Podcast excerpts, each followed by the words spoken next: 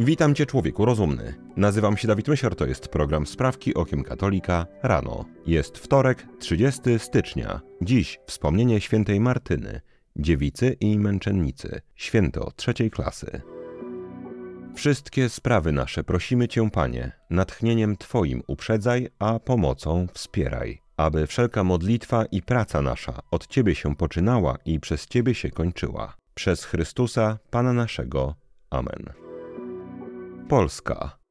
W minionym tygodniu premier Donald Tusk zapowiedział procedowanie przez nową większość parlamentarną projektów liberalizujących przepisy aborcyjne oraz upowszechniających dostęp do tzw. Tak pigułki dzień po. Sprawę skomentowała konferencja Episkopatu Polski w osobie jej przewodniczącego, arcybiskupa Stanisława Gondeckiego oraz rzecznika, księdza Leszka Gęsiaka. Arcybiskup Gondecki wezwał do opowiedzenia się za życiem, a tym samym do sprzeciwu wobec aborcyjnych ustaw. W swoim oświadczeniu przekazał: Każdy człowiek prawego sumienia, nie tylko członek Kościoła katolickiego, stoi wobec moralnego obowiązku uszanowania ludzkiego życia od jego poczęcia do naturalnej śmierci.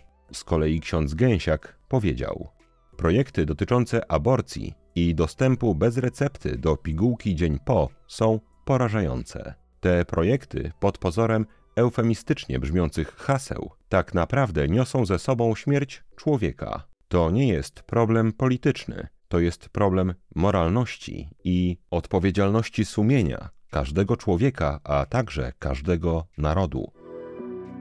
Holandia. Lewicowa holenderska polityk, do niedawna lider Partii Zielonych, a od roku 2018 burmistrz Amsterdamu pani Felke Halsema udzieliła niedawno wywiadu dziennikowi FD. W rozmowie poruszony został problem handlu używkami, który sprawia holenderskim służbom coraz więcej problemów. Pani Halsema powiedziała: Walka z narkotykami przynosi efekt odwrotny od zamierzonego. Około 80% policji zajmuje się przestępczością narkotykową. W Holandii i Belgii ceny uliczne koksu od lat są takie same, dlatego wysiłek służb nie ma wpływu na rynek. Dalej polityk Zielonych stwierdziła, że szkodliwość kokainy jest przesadzona i że jest ona mniej szkodliwa niż alkohol. Powiedziała także, że skoro represje przeciw narkotykom nie działają, to powinny one być po prostu legalne. Trzecia sprawka to krótka żywotów świętych, dawka. Dziś obchodzimy wspomnienie świętej Martyny, dziewicy i męczennicy. Przyszła ona na świat na przełomie II i III wieku w Rzymie, w pobożnej i zamożnej chrześcijańskiej rodzinie. Otrzymała staranne wychowanie, jednak w młodości jej rodzice zmarli, a Martyna przyrzekła wówczas Bogu dozgonną czystość i rozdała majątek ubogim. Za panowania cesarza Aleksandra Severa została zatrzymana wraz z innymi chrześcijanami, których próbowano zmusić do oddania czci pogańskim bożkom. Martynie kazano pokłonić się posągowi bożka Apolla, a gdy odmówiła, skazano ją na śmierć. Świętą rzucono na pożarcie lwom, które jednak ułożyły się u jej stóp. Następnie Rzymianie postanowili spalić ją na stosie, lecz płomienie ugasił deszcz. Ostatecznie Martyna została ścięta 30 stycznia 226 roku. Jest patronką Rzymu oraz matek karmiących piersią.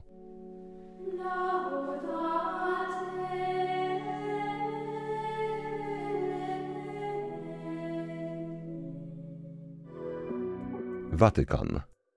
Papież Franciszek spotkał się z członkami Roty Rzymskiej, czyli Najwyższego Sądu Apelacyjnego w Kościele. Spotkanie odbyło się w związku z inauguracją kolejnego roku sądowego. W przemówieniu skierowanym do zasiadających w niej duchownych, Ojciec Święty wypowiedział się na temat procedowanych zarówno przez Rotę, jak i diecezjalne sądy kościelne wniosków o stwierdzenie nieważności małżeństw. Papież odniósł się do reformy usprawniającej postępowanie w tej materii. Powiedział: Przeprowadzona reforma ma na celu przyspieszenie postępowań, a nie orzekania nieważności związków. Trzeba podejść do tego zadania z odwagą i jasnością umysłu. Papież przypomniał także o obowiązku ochrony nierozerwalności małżeństwa. Biorąc pod uwagę gwałtownie rosnącą liczbę stwierdzonych nieważności małżeństw, jest to bardzo słuszne przypomnienie. Niestety wygląda to tak, a bardzo nie chciałbym być niesprawiedliwy w ocenie, że między tym, co się robi, a tym, co się mówi, następują rosnące różnice. Czyli robi się coś, co zwiększy liczbę stwierdzeń nieważności. Jednocześnie mówi się, że przypomina się o ochronie nierozerwalności małżeństwa. To była sprawka czwarta, a po niej reklama. Uwagi warta.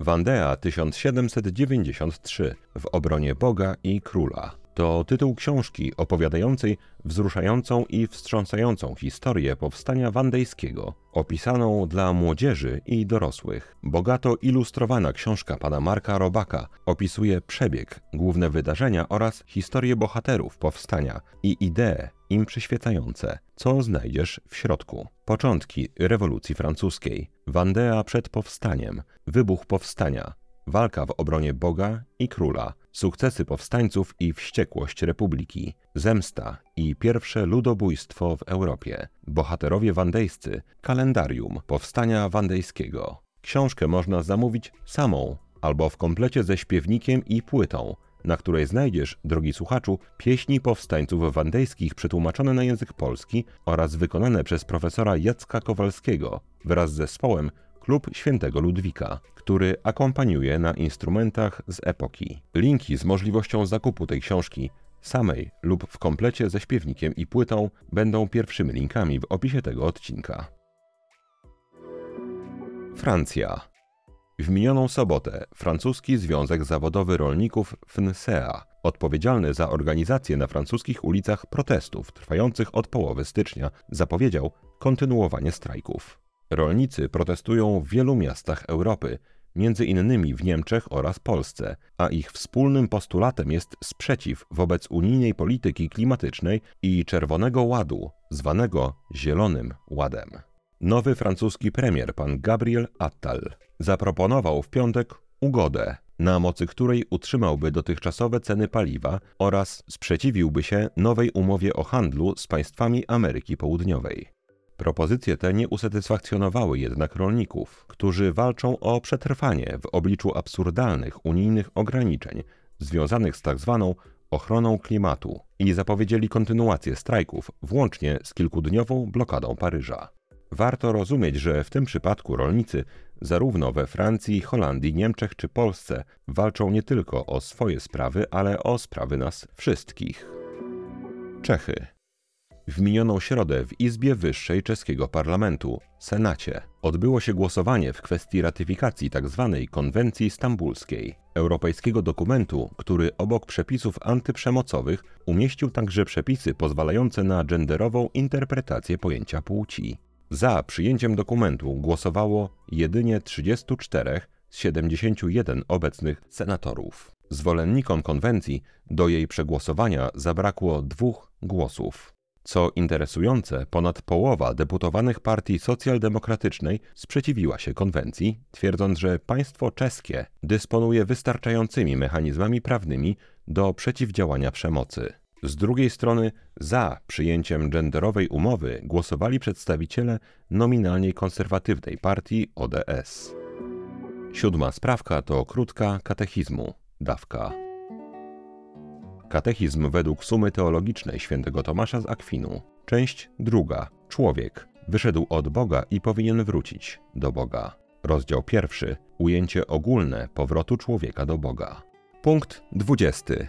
O zasadzie zewnętrznej, która pomaga człowiekowi w czynieniu dobrych uczynków, czyli o łasce. Czy wystarczy pouczenie dane przez prawo, aby człowiek mógł prowadzić życie cnotliwe i porzucić życie grzeszne i pełne wad?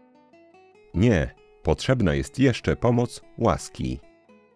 Czym jest ta łaska? Łaska jest specjalną pomocą od Boga, która pomaga człowiekowi czynić dobro i unikać zła. Czy ta specjalna pomoc od Boga jest dla człowieka zawsze konieczna? Tak, ta specjalna pomoc od Boga jest dla człowieka zawsze konieczna. Czy człowiek nigdy nie może zrobić sam z siebie czegoś dobrego lub uniknąć jakiegoś zła? Tak, nie może, choć człowiek może sam z siebie, czyli dzięki swojej naturze, którą otrzymał od Boga i dzięki innym pomocom naturalnym, które są wokół niego, zrobić coś dobrego i uniknąć jakiegoś zła, i to także w porządku moralnym oraz porządku cnót. To jednak, jeśli Bóg nie zainterweniuje poprzez swoją łaskę, aby uleczyć naturę ludzką zranioną przez grzech, człowiek nie może, nawet w ramach porządku cnót naturalnych, osiągnąć całego dobra, ani też uniknąć całego zła. W nadprzyrodzonym porządku cnót, czyli w życiu moralnym, mającym na celu osiągnięcie nieba, człowiek z powodu swojej natury, bez łaski, nie może absolutnie nic. Co zawiera w sobie ta łaska w ramach porządku nadprzyrodzonego? Ta łaska w ramach porządku nadprzyrodzonego zawiera dwa wymiary: stan, który staje się udziałem człowieka, oraz poruszenia nadprzyrodzone Ducha Świętego. Co należy rozumieć poprzez ten stan, którym obdarza człowieka? Należy przez to rozumieć zespół pewnych jakości, danych i utrzymanych w duszy przez Boga, które przebóstwiają człowieka w tym, co dotyczy jego bytu i władzy. Jak nazywa się ta zasadnicza jakość, która przebóstwia byt człowieka? Jest to łaska uświęcająca. Jak należy nazywać pozostałe jakości nadprzyrodzone, które przebóstwiają władzę człowieka? Są to cnoty i dary.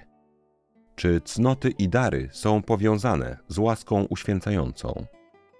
Tak, cnoty i dary są powiązane z łaską uświęcającą w ten sposób, że wypływają one z tej łaski, oraz w ten sposób, że jeśli w samej duszy nie ma cnót i darów, to i we władzach duszy nie ma łaski. Czy ta łaska, cnoty oraz dary, które przebóstwiają duszę i jej władzę, są czymś cennym i wspaniałym? Tak, gdyż to właśnie czyni człowieka dzieckiem Bożym i daje mu możliwość działania jako dziecko Boże. Czy człowiek przyobleczony i przyozdobiony łaską wraz ze swoimi cnotami oraz darami góruje swoją doskonałością nad całym światem stworzonym w porządku naturalnym? Tak, z jednym wyjątkiem, który stanowią aniołowie, jeśli weźmie się pod uwagę jedynie ich naturę jako taką. Czy nie istnieje zatem nic, co powinno być dla człowieka przedmiotem pragnienia na ziemi w większym stopniu niż posiadanie tej łaski boskiej wraz z cnotami i darami? Nie, nie istnieje nic, co powinno być dla człowieka przedmiotem pragnienia na ziemi, jak tylko to, by posiadać i zachowywać tę łaskę boską i wzrastać w niej wraz z cnotami i darami. W jaki sposób człowiek może posiąść i zachować łaskę Bożą i wzrastać w niej wraz z cnotami i darami? Od odpowiedzi na to pytanie zaczniemy jutro.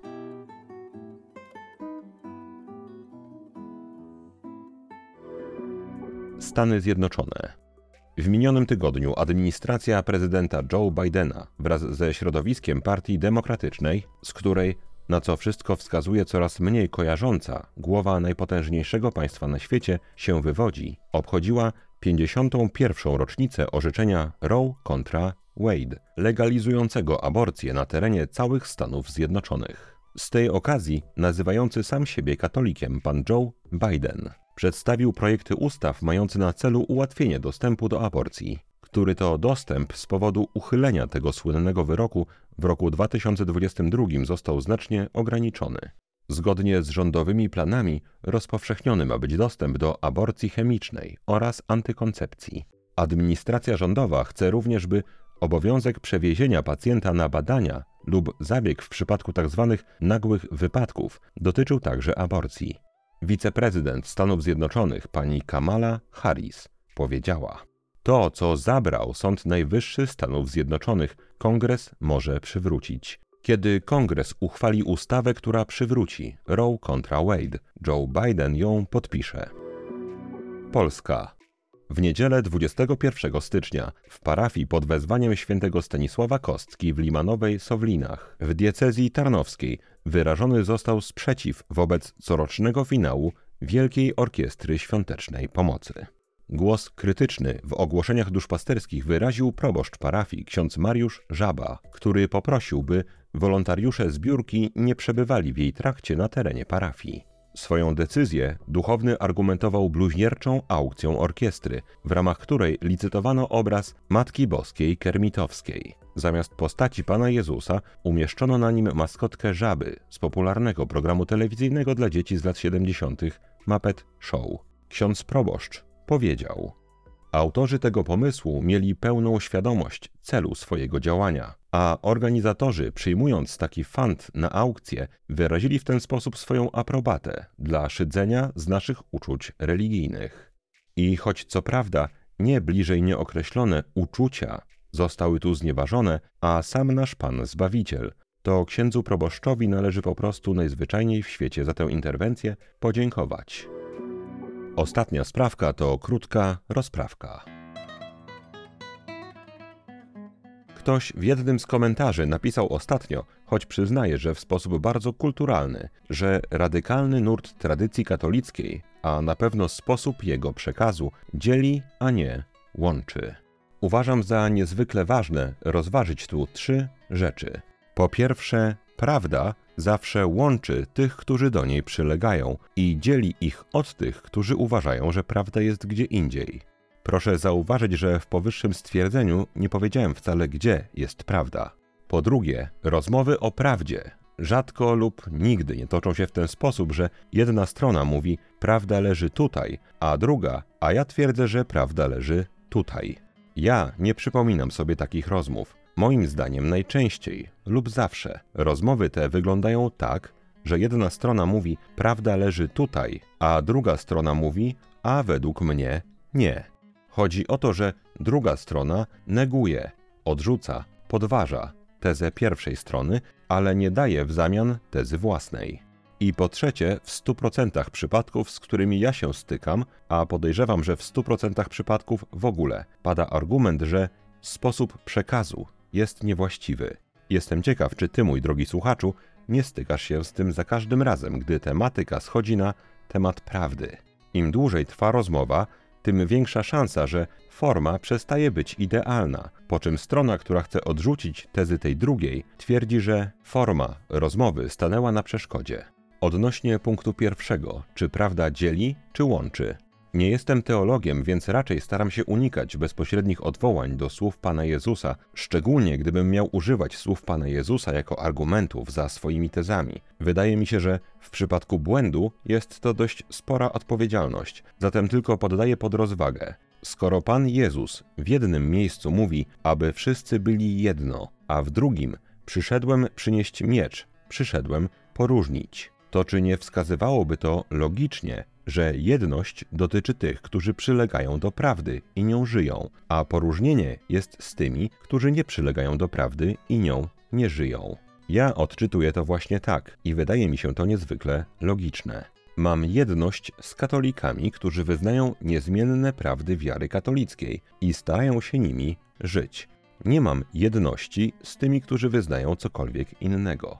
A zatem rozumiem, że środowisko tradycji katolickiej może być postrzegane jako dzielące.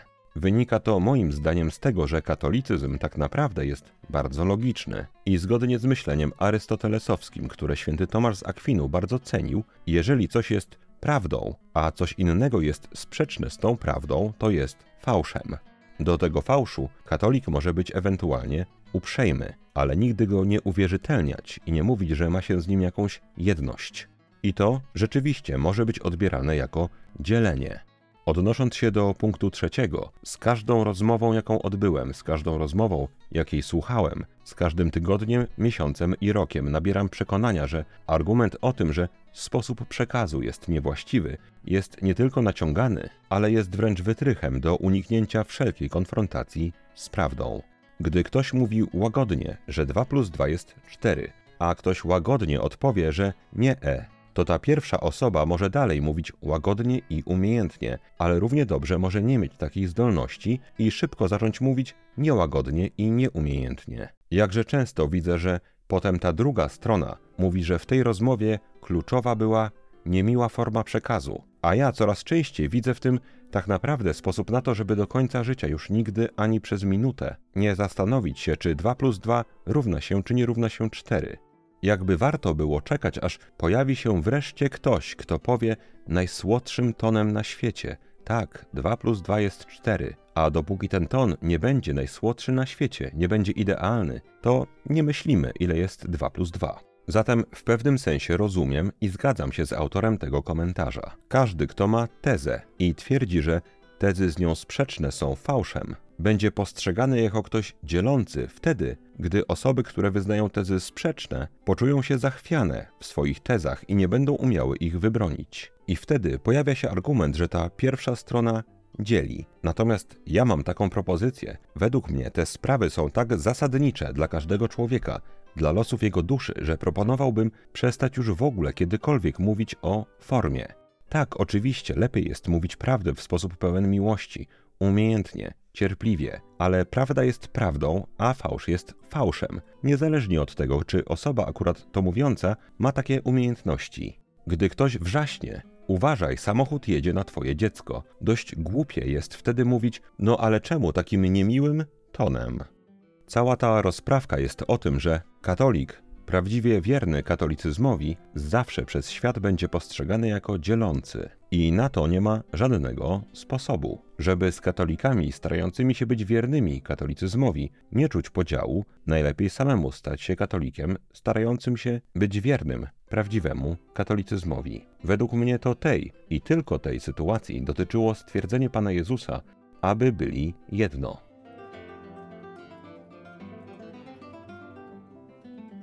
Maryjo, posłuż się mną dziś jak chcesz. Wykorzystaj mnie jak chcesz, byle tylko choć jeden grzesznik zszedł z drogi zatracenia, poszedł do spowiedzi świętej i zwrócił się ku Panu Jezusowi. To na dzisiaj wszystkie sprawki okiem katolika rano. Jeżeli chcesz nam pomóc, daj proszę łapkę w górę pod tym filmem na YouTubie i napisz co najmniej pięciowyrazowy komentarz. To pięciowyrazowy to jest taki ukłon do pana algorytma. Jeżeli chcesz wesprzeć zespół Sprawych Okiem Katolika regularnie na Patronite lub tutaj na YouTubie, albo jednorazowo przez wpłatę najmniejszej chociaż kwoty, to szczegóły jak można to zrobić znajdują się w opisie tego odcinka. Wszystkim bardzo dziękuję i przypominam, że w najbliższą niedzielę, 4 lutego, zostanie odprawiona kolejna już msza święta w intencji o Boże błogosławieństwo dla wszystkich patronów tej pracy. Jeszcze raz wszystkim bardzo dziękuję. Mój drogi słuchaczu, życzę Ci błogosławionego dnia. Święta Martyno, módl się za nami. Człowieku rozumny, Trzymaj się, nie łam się i bardzo Ci dziękuję za Twój czas. Mam nadzieję, że do usłyszenia jutro. Zostań z Panem Bogiem.